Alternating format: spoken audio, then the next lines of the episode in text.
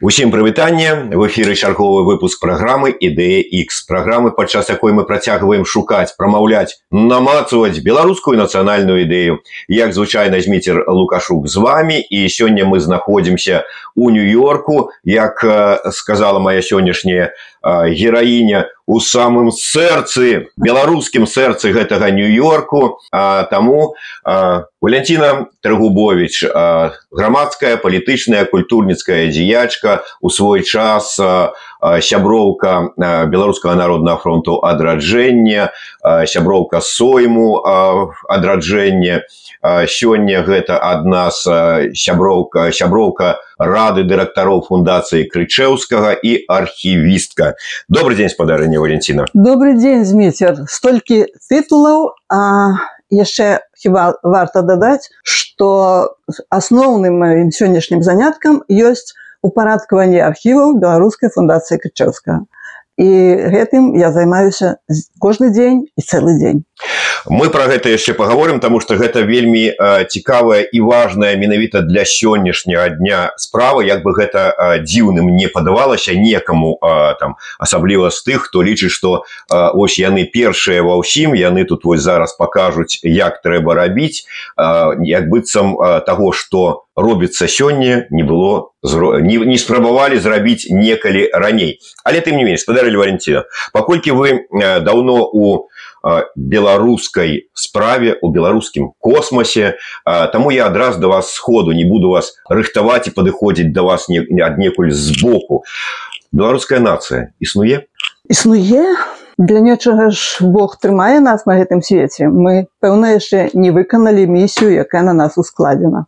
Але ўсё ж таки калі чытаць вкіпедыю калі разважаць пра ну тыя прыкметнікі адметнікі нацыі то што мы маем? Дзяржаву якая нібыта ці то ёсць ці то няма а у нас вот з вами так здаецца і няма гэтай дзяржавы бо мы туды немагчыма нам туды зараз прыехаць.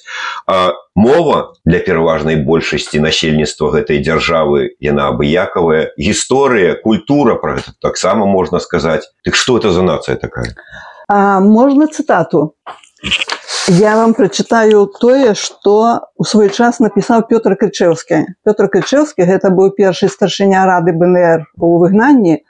Ён памёр у 28 годзе ў празе і ягонае імя носіць беларуская фундацыя качаўскага гэта ў ягоны гонар яна названая Ён пісаў без мовы няма нацыі без культуры няма народу і не можа быць незалежнасці сваёй уласнай дзяржавы А вы кажаце у нас няма дзяржавы у нас ёсць дзяржава яна прызнаная ў сім'і цывілізаванымі краінамі.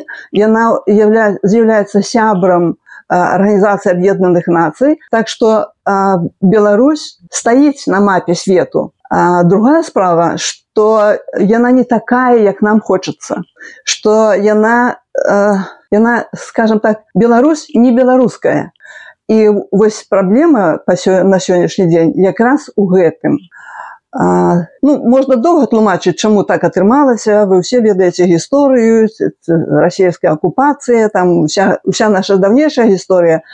Але я не спецыяліст у гісторыі і не буду глыбока капаць. Адно скажу, што ёсць, ёсць шмат такіх рэчаў, якія трэба, каб людзі ўсведамлялі і адрознівалі. У двадцатым стагоддзі, калі пачалося актыўнае беларускае будаўніцтва, так сталася что усе лідары былі людзі левай арыентацыі гэта былі сацыял-дэмакраты там ці эсеры ці гэта былі людзі якія на першае на першае месца ставілі не нацыянальныя пытанні а сацыяльныя гэта раз. По-другое зноў такі у двадцатым стагоддзе такая наша гісторыя что двойчы уся тая беларуская эліта которая подрастала с узроўню травы. Учарашнія сялянскія дзеці атрымлівалі адукацыю і рабіліся інтэлігентамі. Інтэлігент у першым пакаленні это яшчэ вельмі такая слабая істота. Гэта яшчэ чалавек якому якому трэба дапамога і падтрымка. Але прыходзі прыходзяць бальшавікі і ўсю гэтую толькі што падрослую інтэлігенцыю вынішаюць пад корань. Ну гэта 30 гады 20 стагоддзя.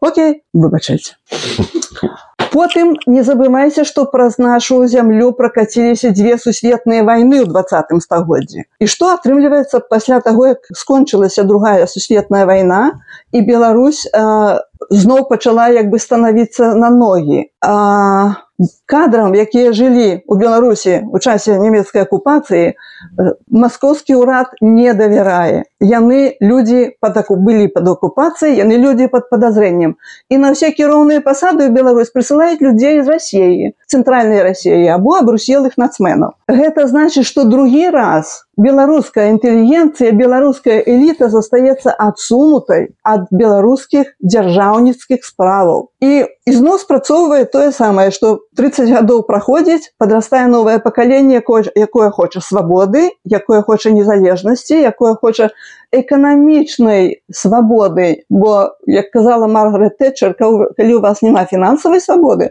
то у вас не можа быць ніякай іншай свабоды І вот як толькі гэтае новае пакаленне падрастае, умешваюцца зноў якія варожыя сілы вот як у двадцатым годзе. Вы думаеце, гэта адзін Лукашенко руйнаваў усе гэтыя мітынгі шэсці і ўсё іншае. Не, ён меў вельмі надзейнае апірышча з боку нашых усходніх суседзяў. І не толькі суседзяў, але і ўнутры краіны А, а што вы хочаце калі два разы эліта нацыі была памяняная беларускай на расійскую і калі беларусы займалі ну скажем так не, не першыя месцы в уладных структурах чаго было чакаць? Гэця ну уладныя структуры гэта адно але нават і простыя людзі яны ж цураліся сваёй беларускасці. Простых людзей узять ты скажы там якому-нибудь ой як прыгожа ты на беларускай мове гаворыш ой боже мой добра калі сэрца не спыніцца ад перапугу. Якая беларуская мова? Я тут по-нашаму по-тутэйшаму не па ніякай вашай беларускай Таму што гэта звычайны чалавечы страх. Гэта ўсё вельмі зразумелае за гэтую беларускасць уже столькі пакладзена у зямлю людзей что ведаеце як у, у беларусаў генетычна сядзіць у пячонках і ў касцях страх перад вайною тому что тут столькі разоў вайна прайшла по нашай тэрыторыі по наших людзях что гэта уже засталося у, у падкорку у падкорцы у кожнага чалавека які нарадзіўся праз шмат гадоў пасля вайны. Я дарэчы пасля вайны нарадзілася і все жыццё ранейшае думала что ну на маім веку войны на нашай тэрыторыі у нас у Еўропе не будзе. І что і что і ідзе поўнамасштабная вайна ва ўкраіне і гэтая вайна гэта вайна і са мною таксама. Таму что у нас з Украінай больш блізкая гісторыя чым з Расею не забывайце что і, і беларусы і украінцы ведаюць што такое вайна насамрэч масавае насельніцтва і беларусі украіны перажыло другую сусветную вайну я уже пакіну з боку першую сусветную яно перажыло под акупацыяй нямецкай яно перажыло все гэтыя страхі голад расстрэлы а расейцы гэтага нічога не ведалі іхная земля не была акупаваная немцамі ну так яны удзельнічалі там скажем іхныя маладыя людзі былі на фронте але вот сёння ва ўкраіне воююць але зноў такі гэта не ёсць вайна на такім штодзённым бытавым узроўні. І тое як выглядае гэтая вайна вача і калі на гэтую вайну глядзіш вачыма людзей якія перажылі жахі на поўным узроўні. Можа гэта не, не, не мае дачынення да тэмы але я все-таки скажу про сваю сям'ю мой бацька прайшоў усю вайну дайшоў до берліна. Моя маці была ў партызанах все Мае два дядзькі загінулі на фронте. Два загінулі ў сваёй вёсцы 17-16 гадоў хлопцы былі іх просто э, расстралялі на вясковай вуліцы. І гэта праз усё маё жыццё з самага майго нараджэння сядзіць ува мне. Колькі разоў я сустракалася ў той час, калі я вела ў Беларусі нейкую грамадскую працу. Мы сустракаліся з расейцамі і гаварылі пра вайну. У іх і блізка няма такога разумення, што такое вайна Таму яны лёгка могуць кідаць гэты лёзунг. Можам паўтарыць что паўтарыць Ну так я цалкам згодны. Калі б які-нибудь умоўны іркутск як-небудзь разбомбілі так як разбомбілі мінск яны б зразумелі что можна іншае разуменне. Так было б іншае разуменне ў людзей. Ну гісторыя гэта такая рэч што але вот глядзіце сваімі словамі пра тое што страх закладзены ў падсвядомасць у беларусаў і нават ён ну праяўляецца праз сто шмат гадоў і можа быть нават праць з некалькі пакаленняў вы даеце аргумент тым хто кажа глядзіце мы вот калі кажуць пра беларусаў нацыя выжыўшых так, так усе нацыі. Здавалася б ну выдатна. Праз нас да сапраўды пастаянна бегалі там з усхода на захад захада на ўсход а мы выжылі. Здавалася б ну выдатна. Але калі там пайсці далей і ты думаешь а выжываў у гэтай сітуацыі хто? Хто схаваўся хто уцёг уцёк хто здрадзіў хто яшчэ што? І тады думаешь ты каму атрымліваецца нацыя нашчадкаў трусаў? Но Не, я ні, ніякім чынам такога не магу сказаць. А Таму што праз усё чалавецтва чалавек выжывае. І скажем сёння мы можам сказаць, што э, тыя людзі, якія э, у Беларусі знаходзяцца ў турме у канцлагеры, там самае першае заданне гэта выжыць. выжыць, але не любой цаной. Калі цана падыходзіць да такога парога, што ты або павінен здрадзіць сам сабе, каб выжыць або памерці, то чалавек чалавек, калі ён чалавек і ён памірае. Ёсць ёсць заўсёды мяжа, якую чалавек не перадольвае. І гэтаксама беларусы, якія выжывалі, а вы штосьці можете кінуць вы можете кінуць папрок маёй бабулі, которая пасля раскулачвання і пасля таго деда выслалі засталася з сям'ю дзецьмі у калгасе. І под нямецкай акупацыяй таксама жыла з гэтымі дзецьмі. Ну з малодшымі уже бо старэйшыя пайшлі на вайну. Вы можете папракнуць яе ў тым што яна выжыла?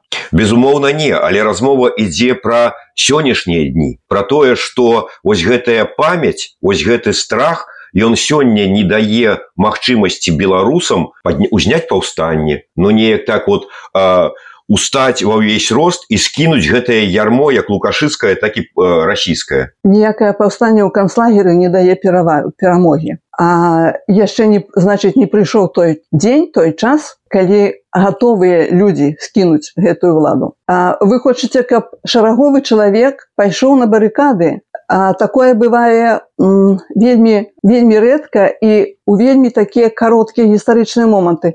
Хто мог ну вы маладзейшы чалавек а таму я адкажу за вас. А у, у канцы 80-х у пачатку 90-х ніякія э, аналітыкі ніякія прагназісты не прадказвалі распаду савецкага саюза.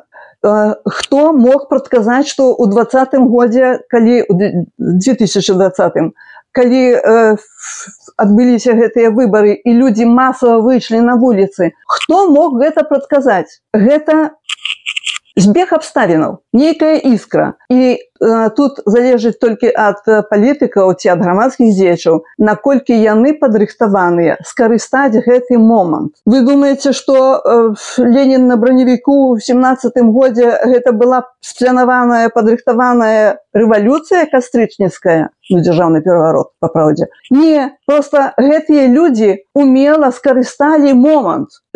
Бальшавікоў было не менш менш аднаго процента ў рассеі атрымліваецца што сёння ну лідары двадцатого года э, не змаглі скарыстацца а які а дзе вы бачылі лідара ў двадцатым годзе?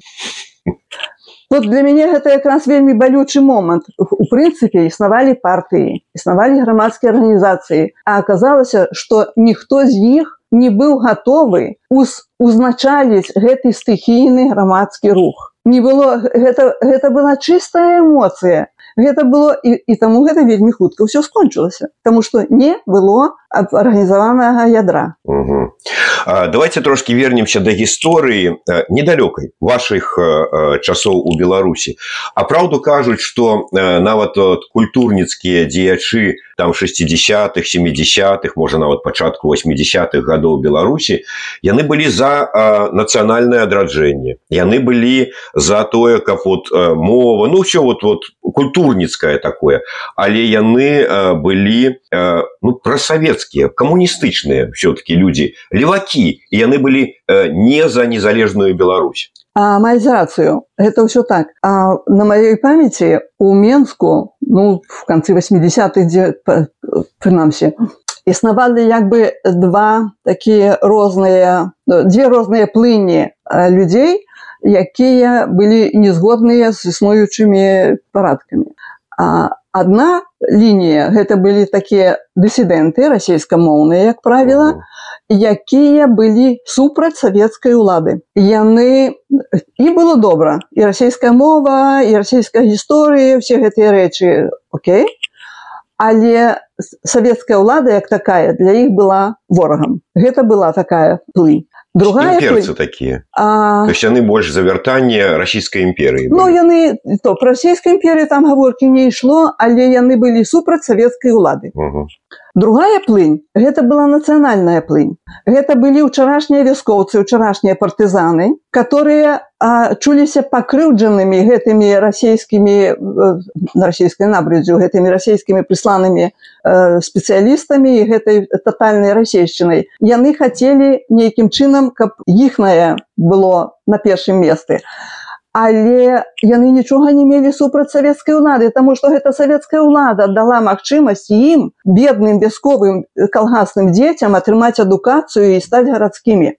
Гаворка не ішла тады што чалавек ідзе ў расійскую мову. Ён ён ідзе ў горад ён ён валодае гарадской мовай. Ён сацыяльна паднімаецца разумееце? У той час праз расійскую мову чалавек паднімаўся сацыяльна хоць бы ў сваіх вачах І вот гэта вот гэтыя калі б гэтыя плыні ў той час сышліся антысавецкая і антысаветчыкі сталі яшчэ умоўна кажучы нацыяналістамі быў бы поўны кайп гэта тое што было у прыбалтыцы Таму што у прыбалтыцы не было гэтага адрыву э, сацыяльных і нацыянальных Э, пратэстаў там там усё ну там усё зрабілася ў міжваенны час нацыянальная таму а ў беларусі гэта было так на вялікі жаль і Беларусь у пачатку 90-х калі пачаліся ўсе гэтыя ўжо актыўныя рухі э, яна яна у сваім кіраўніцтве у сваіх партыйных структурах яна не мела яна не мела нацыянал-камуністаў. Гэта былі адзінкавыя э, людзі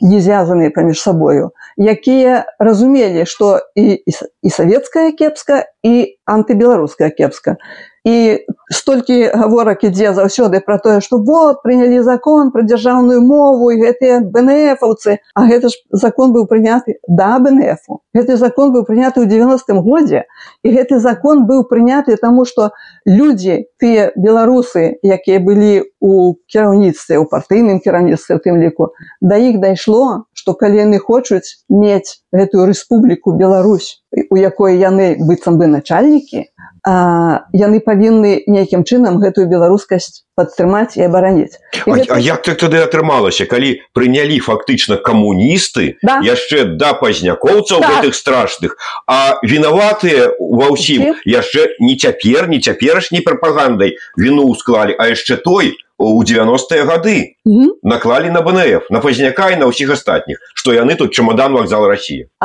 Ну таму што заўсёды лягчэй такія прымітыўныя простыя рэчы вырашаць але той закон быў пачытайце ён быў такі лаяльны такі мяккі ён даваў некаторым інстытуцыям ён даваў 10 гадоў на пераход на беларускую мову А, і ну, я в той час уже была цвярозым чалавекам і ўсё гэта бачыла вельмі вельмі як ты казаў выразна.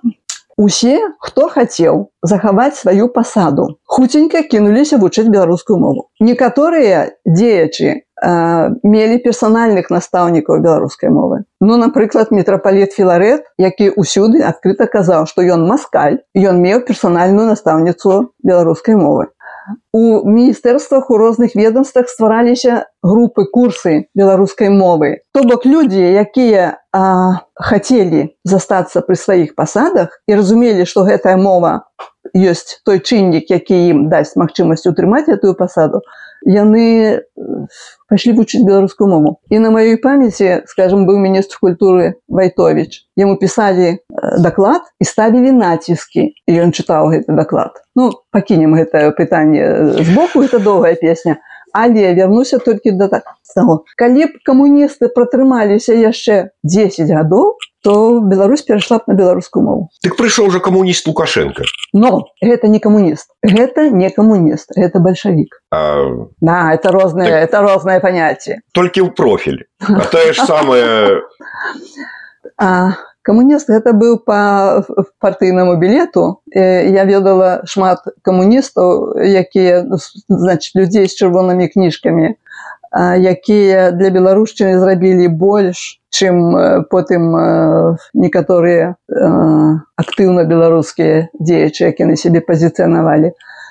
Гэта не это розныя рэчы. Бальшавік гэта тотальны разбуральнік добра але давайте вот можа быть вернемся ў тым ліку і да пачатку нашай размовы. А, і вот да вот працяг вот гэтай тэмы про тое что патрыё ну скажем так про беларуска на, на налаштаваныя людзі яны былі ў прынцыпе за саветы атрымліваецца что но яны былі не супраць да не супраць скажем так. Але про незалежную суверенную Беларусь для іх размовы не ішло то можа быть таму і беларусы вельмі-то і не хацелі незалежнай беларусі у пераважнай сваёй большасці памятаеце рэферэндум по захаванні скасаванні Савецкага союза? Беларусы найбольш з усіх 15 рэспублік выказаліся за захаванне як яны там потым без всякихх так э, праблемаў раз і адмовіліся ад нацыянальнага дзяржаўнага на той момант сцяга спадар зміцер гэтыя рэчы гэта трэба выхоўваць. Гэта не бярэцца просто так. Гэта чалавек які нараджаецца да ён ён разумее што он хоча піць есці там э, іншыя такія біялагічныя патрэбы але ўсе гэтыя ідэалагічныя рэчы усе гэтыя э, сацыяльныя канструкцыі гэта ўсё даецца выхаваннем. Як магла выхаваць э, сям'я беларуска звычайнага беларускага селяніна ці, ці рабочага э, нейкую думку пра незалежнасць? Да яна чалавеку такое самастойна ў голову не прыходзіць. Гэта трэба каб хтосьці ўклаў у гэтую галаву гэтую думку. І потым э, гэта было вельмі э, як бы савецкае гэтае ўсё выхаванне з пілёнак до дома дзецям вельмі асцярожна штосьці казалі дзеці першыя здраднікі дзеці не разумеюць што некаторыя рэчы не можна выносіць за парог і, і таму гэта ну, цвярозыя людзі каб выжыць.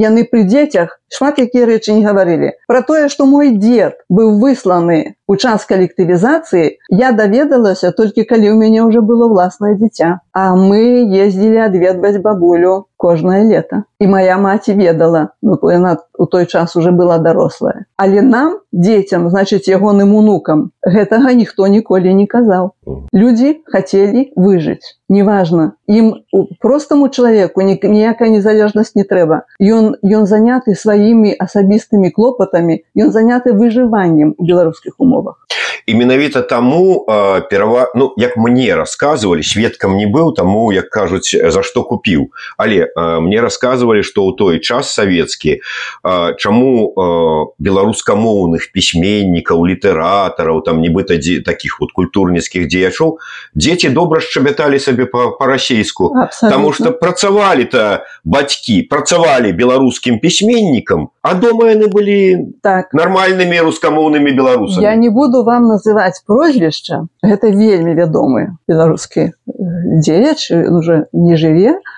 але ён быў маім выкладчыкам універсітэце і лекцыя была палымяная эмацыйная.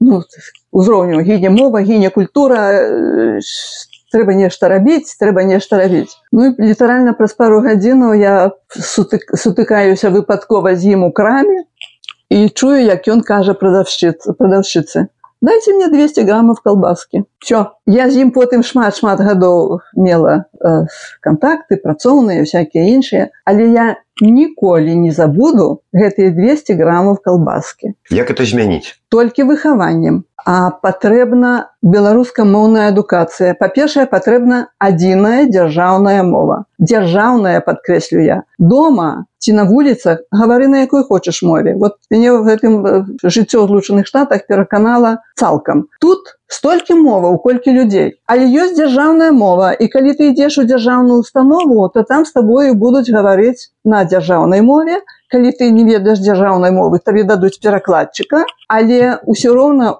ўсё ўсё на дзяржаўнай мове.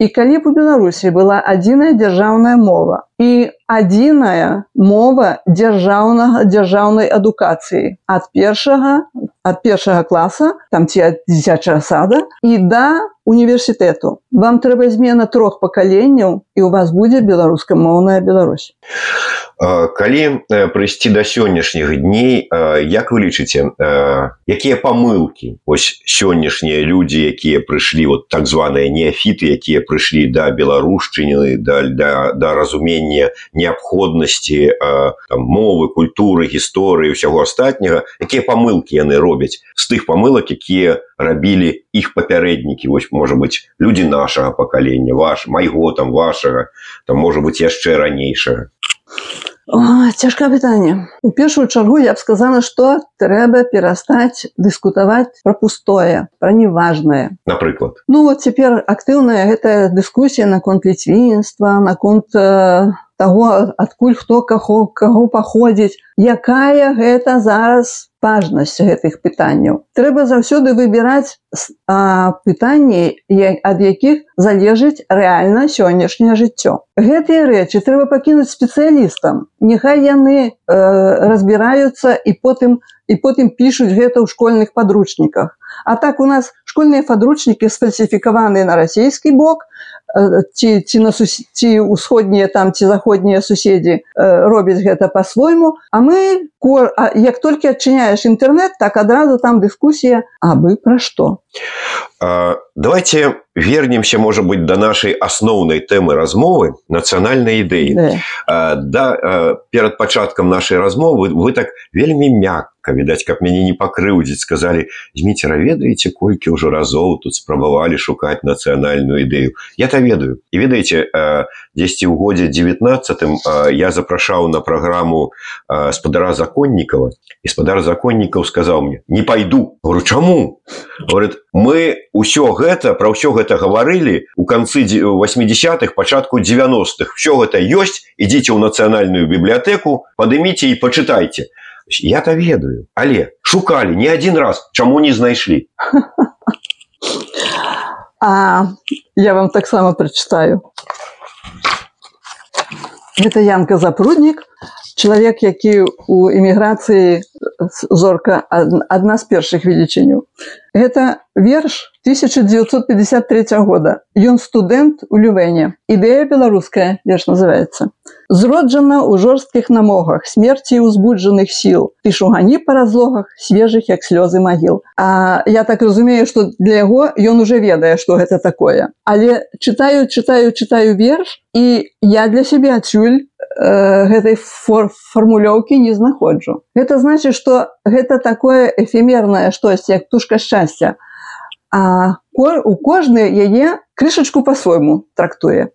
І, і магчыма таму так гэтыя самыя доўгія пошукі працягваюцца Таму што кожны хоча знайсці нейкі універсальны гэты ключык вот ты ўставіў гэты ключык у замочак замочак шчоўкнуў і ўсё і наступіў рай зямны гэта ніколі не, не можа быць і я не ведаю ці ці ёсць такія пошукі э, у іншых народаў ніколі гэтым не цікавілася.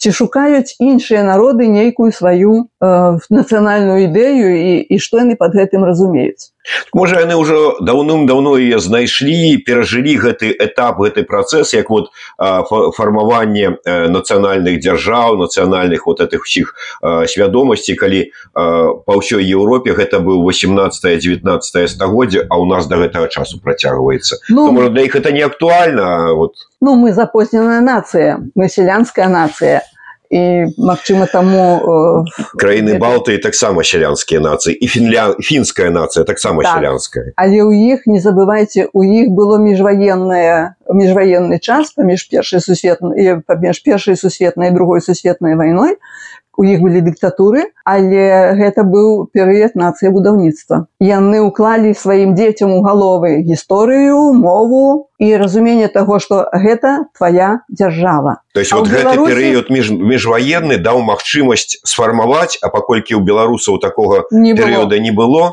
Мы таму мы засталіся не сфармуляваныя не не акрэсленыя. Бо гэтыя рэчы гэта не не тыя рэчы якія нараджаюцца з чалавекам біялагічна. Гэта рэчы якія трэба укласці ў галаву. А ўкласці ў галаву которая запалоханая такія крамольныя рэчы калі ты рассказываешь человеку про незалежную Беларусь а ён ведае что за гэтыя словы за гэтую незалеж увогуле за Беларусь мільёны людзей уже паклалі свае галовы ў курапатах. Ну вобразна кажучы у курапатах. Не не толькі на калыме таксама. Да і по дарозе от бела беларускай зямлі да калымы той самой так. і да, і да иркутска того ж. Таму э, таму тут ніякім чынам ніколі я не не хочу абвінаваціць людзей у тым што яны не не яны прагнуць свабоды. Калі б яны не прагнулі свабоды то гэтага б не было. Зверніце ўвагу у беларускай гісторыі ну пачынаючы гэты перыяд пад расійскай акупацыі праз кожныя 30 гадоў як толькі падрастала новае пакаленне якое станавілася на ногі і хацела свабоды эканамічнай незалежнасці якое хацела нармальнага чалавечага жыцця выбухалі паўстанні. 831 год это, это, 700, там гэты самы 63 год каліновскі потым пачалася гэтая ўжо расійская сітуацыя пачатку два стагоддзя потым дзве сусветныя вайны. Мы ўвесь час выкідаем са сваіх разважанняў. Мы думаем што мы жывём так жылі так спакойна як як іншыя нацыі. У злучаных штатах калі была апошняя вайна на яе тэрыторыі у той час калі у нас было паўстанне каліновска. Uh -huh. і ўсё. І пасля таго на тэрыторыі тое што пабудаванае тое стаіць па сённяшні дзень. А ў беларусе за гэты час пракаціліся дзве сусветныя вайны туды-сюды. Не забывайце гэта. А, трэба дзякаваць Богу і радавацца што мы як нацыя жывыя А як вы думаете ці вот Зміцер дашкевич не адзін раз сказаў мне про тое што наша бяда ў тым што мы не правялі ў сябе дэкамунізацыю не ці як кажа алексеевич не выціснулі з сябе чырвонага чалавека. Не даціснулі яго а у нас уже ёсць лукашыскі чалавек унутры этой вот беларускага грамадства. Ці цяжка будзе выціснуць это ўсё гэтую сумесь і чырвона камуністычнага і гэтага лукашыцкага яшчэ ну да памятаеце яшчэ расійскі пісьменнік чэхаў казаў што трэба выціскаць па кроплі сябе раба. І я чалавек які э, гэта ўсведамляе і які выхаваны і большую частку жыцця якраз в савецкім саюзе пражыла я ведаю наколькі гэта цяжка наколькі цяжка выціскаць сябе гэтага раба нават калі ты гэта усведамляеш і сведама гэта робіш это вельмі цяжкі працэс справімся конечно мы пераможам тады іншае пытанне. Глядзіце мне было вельмі прыемна бачыць што колькі людзей у жніўні два года узялі ў руки бел-чырвона-белыя сцягі хаця раней для них гэта было нейкае маргінальнае ці чужое ці ну ці просто абыякова яны его ніколі не бралі ў руки а то столько людзей узялі ў руки гэтыя сцягі. Я разумеў што яны іх узялі выключна як знак пратэсту і так і вельмі эстэтычны знак пратэсту да і жыве Беларусь яны гукалі э, выключна як лозунг пратэсту а не як нейкую каштоўнасць там ці яшчэ што-небудзь. Але э, як вы думаете гэта э, пачало неяк вот трансфармацыю іх з насельніцтва тэрыторыі у нейкую грамадскую грамадзянскую нацыю ну мяне гэта страшэнна радавала у тыя дні калі гэта ўсё калі у Амерыцы усе тэлеэкраны і ўсе першыя старонкі газет газетаў былі з здымкамі людзей якія выйшлі масава под бел чырвона-белым сцягам вы не можете сабе уявіць якая это была радасць Таму что так я згодна з вами гэта вялікі крок наперад гэта значит что людзі гэтую сімволіку прынялі як сваю. У такіх сітуацыях нават калі хтосьці адсыплецца нават калі хтосьці схаваецца нават калі хтосьці вырашыць пакаяцца і вярнуцца да чырвона-зялёных там якіх-небудзь сімбаляў большасць уже запомніць что наш сях вольны смелы бел чырвона-белы. Песня ёсць шмат таких з гэтым усім. А але сяг гэта адно а самае галоўнае гэта трэба усвядоміць што трэба будаваць сваю краіну і трэба э, якраз весці дыскусіі і разважаць і, і вырашаць што хто можа зрабіць каб менавіта пабудаваць мова у гэтай сітуацыі якое мае значэнне? Мы ж жывем у глобальным свеце. Тут вы можа быць якому-нибудь умоўнаму беларускаму айцішніку які-нибудь калега з пакістана бліжэй ментальна чым сусед па пляцоўцы. І таму ім трэба англійская кітайская там я не ведаю яшчэ якая-нибудь навошта беларуская ў глобальным сусвеце? У глобальным сусвеце конечно не, не, не патрэбная А беларуская мова патрэбна беларусам Таму што мова гэта твой маркёр. Гэта а, я вам чытала стату з крычэўскага без мовы не манацыі Таму што на мове пабудаваная вся культура. На, на культуры стаіць ваша асоба. Ваша адметнасць якраз пачынаецца з таго што у вас ёсць свая мова я думаю что навукоўцы вам раскажуць гэта больш ну, разумна больш зразумела але калі мова такая неважная як вы кажаце то чаму не я кажу. Зараз у нашай гаворцы. То чаму першы рэферэндум лукашенко зладзіў якраз па моўным пытанні. Чаму менавіта ён пачаў з таго што ён выкінуў памяняў на на свае сімбалі і, і зрабіў расійскую мову дзяржаўнай. Яна ж прысутнічала ў гэтым як бы законе аб мовах як мова між між дзяржаўных ці якіх там міжнацыянальных адносін да? Але дзяржаўная мова была беларуская. І я памятаю тыя часы калі скажем быў такі міністр фінансаў гарбузаў які на сесіях верховного савету бСр праз усе гады рабіў даклад на беларускай мове. І гэта абсалютна нармальна ўспрымалася.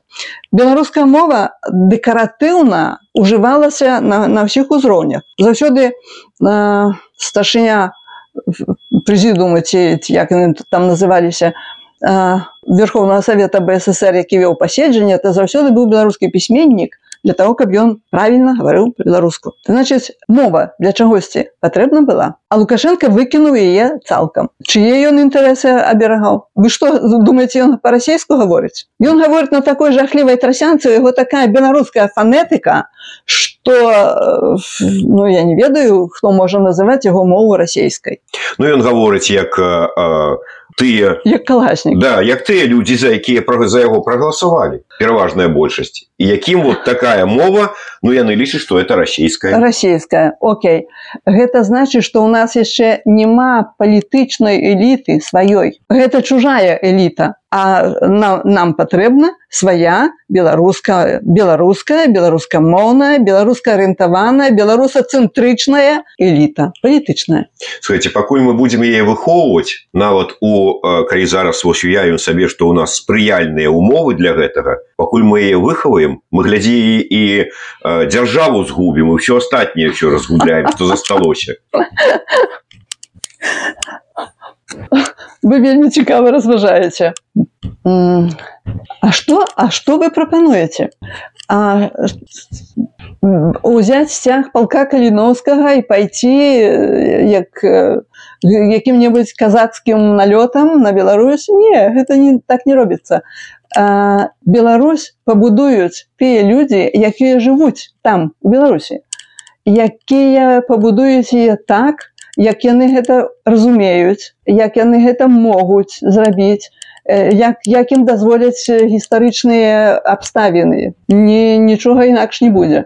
Мы мы з вами которые живвем за межамі беларусі мы можем актыўна дапамагаць гэтаму будаўніцтву беларусі. Мы можем дапамагаць фінансава мы можем дапамагаць парадамі кансультацыямі мы можем дапамагаць что самое моцнае лабіяваннем беларускіх інтарэсаў у краінах свайго пражывання але мы можем толькі дапамагаць. Мы з вами не будуем Беларусь. Мы платим падаткі чужой краіне мы развіваем эканоміку чужой краіны. І гэта трэба усведамляць Слухайте, ну вот э, крыўдныя зараз словы такія ад вас пачуў. Мы з вами не будуем Беларусь. А фундацыя крычеўскага ўжо не будем казаць про еўрарадыё там журналістыку і все астатняе. А я не ведаю там э, усе гэтыя ініцыятывы якія зараз ёсць ствараюцца там альбомы унгольскім пішуцца нейкія інстытуты гісторыі за мяжой ствараюцца ўсё нешта робіцца.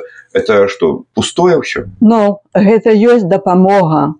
Гэта і ёсць тая дапамога якую мы можемм аказваць. Паколькі я добра ведаю што рабіла эміграцыя папярэдняя хваля паваенная хваля эміграцыі яны таксама вы можете назваць что-небудзь что паваенная эміграцыя пабудавала ў беларусі не. А некоторые... я, я вам скажу я вам скажу больш у беларусі нават ну, вот я як бы быў у беларускіх працэсах і я то не ведаю что эміграцыя пабудавала не ў беларусі нават я не ведаў про бібліятэку скарыны ў лондоне я не ведаў про фонд крычеўскага я асабліва не ведаў пра дзейнасць дыаспоры ў канадзе ведаў толькі что там рада бнр что там ивонка сурвіла якая раз на год выдае нейкую заяву і ўсё а дык это для мяне. Я я прызнаю что гэта моя вина моя недапрацоўка. А для большасці звычайных беларусаў. Так вот якраз мы з вами як журналісты і павінны расказваць людям як працавалі папярэднікі что яны рабілі і як гэта дапамагло. Таму что Э, тая паваенная міграцыя што яна зрабіла для беларусі яна гэта не пабудавала ў беларусі але яна дапамагла гэта. Яна праз усе гады праз десятгоддзі яна трымала гэтую нацыянальную ідэю тут. Яны трымалі сцяг герб гімн мы выйдзем шчыльнымі радамі. Яны жылі з гэтым. Гэта была частка іхнага жыцця і калі пачаліся ў беларусі нейкія рухі з рухі гэта ўсё вельмі лёгка перацякло туды. Я была старшыня замежнай камісіі беларускага народного фронту. І я гэта так дакладна ведаю. Адразу гэтыя ўсе напрацаваныя э, каштоўнасці ідэйныя ідэалагічныя яны ўсе хуценька перацяклі з адной краіны ў другую. Гэта была а, ну скажем так ідэйная дапамога ідэйная падтрымка не трэба было вынаходзіць паравоз спачатку. Паравоз уже быў. Яго трэба было просто паставіць на іншыя рэйкі. Іншая справа что тыя людзі якія у беларусі казалі можа быть у двадцатым годзе. А глядзіш і пачуем там потым у будучыні что а нам гэты ваш паравоз не падыходзіць. Мы тут самі малацы а ты там умоўны там пазняк там ці яшчэ там якія там эміграцыя вы со свой і нават старая апозіцыя якая была ў беларусі вы там еще со, со сваімі паравозамі заставайцеся у гісторыі мы тут самі а глядзіш калі будуць ізноўку нешта там вот 25 30 годзе тыя новыя скажуць нам цяпер ужо от тых там ці там неафітам якія прыйшлі ў двадцатым годзе яны ўжо к тридцатому неафітамі не будуць яны скажуць і ваш паравоз стары і ён не патрэбны нам. А вы ці бачылі паравоз в рэальным жыцці да. Яшчэ бачылі яшчэ да. бачу яшчэ бачу не ну бачыў так вот не можа не ездзіў на ім уже на паравозе менавіта ага. бачце сучасная гэтая тэхніка але калі мы кажам так пераносным сэнсе сучасная тэхніка і сучасныя сродкі масавай інфармацыі яны настолькі э, хутка э, развіваюцца што ну я нават не ведаю што будзе бліжэйшым часам як гэта прадбачыць у мяне ёсць вялікі масіў тут у фундацыі матэрыялаў якіх я нават не магу сёння паглядзець паслухаць таму што яны на такіх тэхнічных э, тых самых носьбітах што у мяне няма на чым іх прайграць і, і сказаць што там ёсць папера аказалася найбольш універсальным матэрыялам а няма у мяне таких рэцэптаў гатовых я толькі ведаю што людзі которые э, уважаюць прэтэндуюць на ролю лідараў яны павінны ўсе гэтыя рэчы э, штудыяваць яны павінны слухаць папярэднікаў і, і у залежнасці ад абставінаў дзеяць асветніцтва трэба паставіць на больш шырокі як бы сказаць э, на больш шырокія рэйкі каб яны з усіх бакоў было. І тое што я ведаю у беларусі гэтая праца не спыняецца. Мы мы з вами бачым толькі тое што зверху а нармальнае жыццё як і ў савецкі час яно ідзе под лёдам. Там жывая вода і там ідзе жывое будаўніцтва і яно вынырне. У двадцатым годзе таксама здавалася што з ніадкуль выскочыла А гэта ўсё праца была тых э, шматлікіх грамадскіх арганізацый, э, грамадскіх лідараў, э, сродкаў масавай інфармацыі. Людзі павінны адукоўвацца. Людзі павінны зразумець, людзі павінны пазбывацца страху перад тым, што ты робіш штосьці. Ну няма іншага спосабу. Але глядзіце, калі ў нас э, не атрымалася пабудаваць займець там як заўгодна нагаварыце там сваю беларускую Беларусь ні ў 1863 ні айцамі заснавальнікамі БНР не тымі хто спадзяваўся савецкую Беларусь пабудаваць ні ў 94 годзе ні ў 2020 годзе. Дзе гарантыя што атрымаецца у нейкім вот будучым бліжэйшым часе? Пакуль мы жывыя жывая надзея на гэта толькі надзеі жыць а, не, что значит надзею жыць трэба працаваць трэба кожны божы дзень працаваць яшчэ один момант хацеў бы закрануць можа быць там набліжаючыся паціху да завяршэння нашай размовы. Рэлігія. Яна у сучасным свеце для сучаснага беларускага грамадства мае значэнне. Трэба там нейкая там аўтакефальная царква там ці яшчэ што-нибудь ввогуле как бы рэлігію адсунуць сказаць это ўжо мінулы час і для пабудовы беларускай беларусі і свайго грамадства яна сёння не мае ніякае значэння Ну тут я з вами не пагаджуся што не мае ніякае значэння а Бачце, так у сучасным свеце рэлігія не займае такое вялікае месца, як яна скажам займала ў мінулым стагоддзі. І я б сказала, што нават сярод новай эміграцыі людзей, якіх цікавіць нейкае рэлігійнае жыццё у десяткі разоў, можа і ў сотні менш, чым гэта было ў паваеннай хвалі эміграцыі. Але увогуле ў свеце рэлігія мае сваю ролю і ну незважаючы на тое што як бы беларусы больш а, рас, ну па-першае яны раскіданыя паміж некалькімі канфесіямі хрысціянскімі э, паміж э, светецкім жыццём і рэлігійным гавару карацей карацей. Я прыхільнік таго што рэлігійныя пытанні трэба каб былі актуальныя ў грамадзе і тое што зноў у чарговы раз лукашэнкаўскія законатворцы імкнуцца зрабіць новы закон пра веравызнанні пра рэлігію значыць яшчэ больш яго жорсткім зрабіць. І тое што у свой час тыя церквы якія стаялі на сваіх дакладных хрысціянскіх пазіцыях новае жыццё напрыклад зачыненыя. І ўвогуле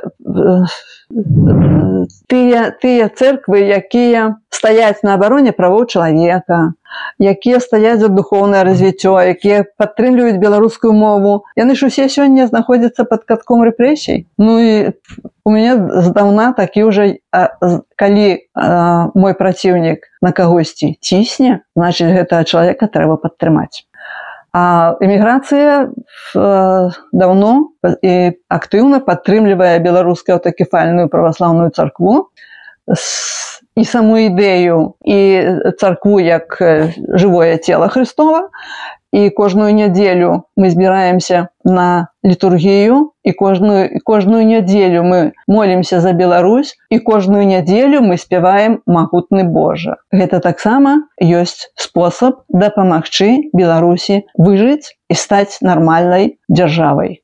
З такого пункту гледжання можа быць верніка. Як вы лічыце гэта ось гэтыя пакуты беларускаму народу ад Бога за што ці для чаго навошта тыповы тыповае пытанне чалавека не не царкоўнага згодны да.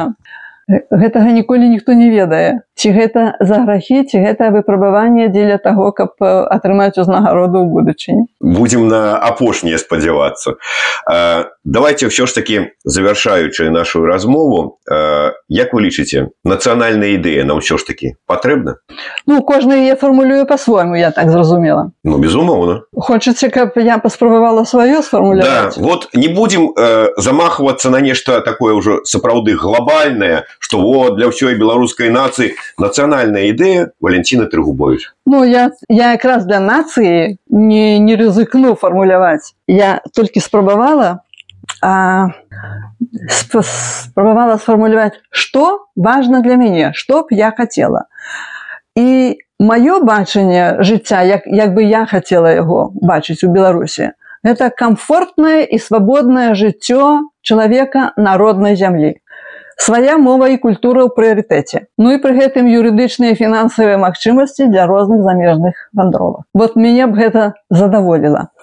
А паколькі я уже чалавек не ну так скажем сталага веку то пачынаеш думаць а што будзе заўтра? Што будзе праз нейкі час і мне страшэнна хочацца паглядзець на гэта ўсё што будзе. Я уже гэтага не ўбачу. Але мне вельмі хочется паглядзець. Ну, напрыклад про тое праз 50 гадоў. Таму што рэтраспектыўна я магу успомніць што было 50 гадоў да гэтага і і наколькі ўсё змянілася у тым ліку і з беларускай нацыянальнай ідэяй. І значыць праз 50 гадоў гэта набярэ большай мысы. І вот мне б хацелася каб праз 50 гадоў калі б я магла на гэта паглядзець я б убачыла што мае ўнукі праўнукі жывыя здаровыя што яны шанаваныя у грамадзе людзі і што яны ганарацца і яны ведаюць і ганарацца тым што іхныя карані у беларусі на беразе нёмана. Калі коротко то я так вот асабліва з першай часткі вашай зараз спробы разважаць пра фармуляваць нацыянальную ідэю вылучыў тры словы.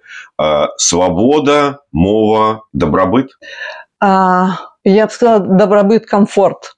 Тому что сённяшняя цывілізацыя дае чалавеку шмат рэчаў якія могуць палегчыць яго штодзённае жыццё і тады ў яго больш часу ідзе на тое каб ён мог адукоўвацца каб ён мог думаць каб ён каб ён разрабіўся цывілізаваным чалавекам.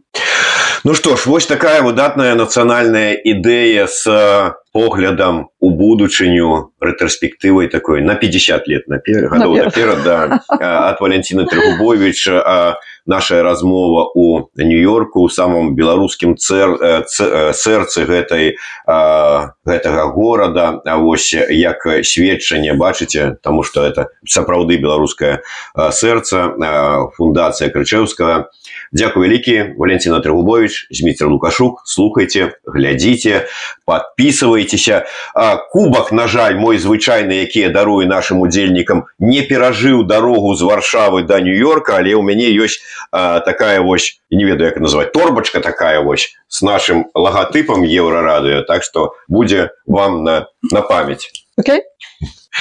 Дякую вялікі яшчэ раз. Валентина драгубович зміцер лукашук нью-йорк. Жыве Беларусь. Жыве вечна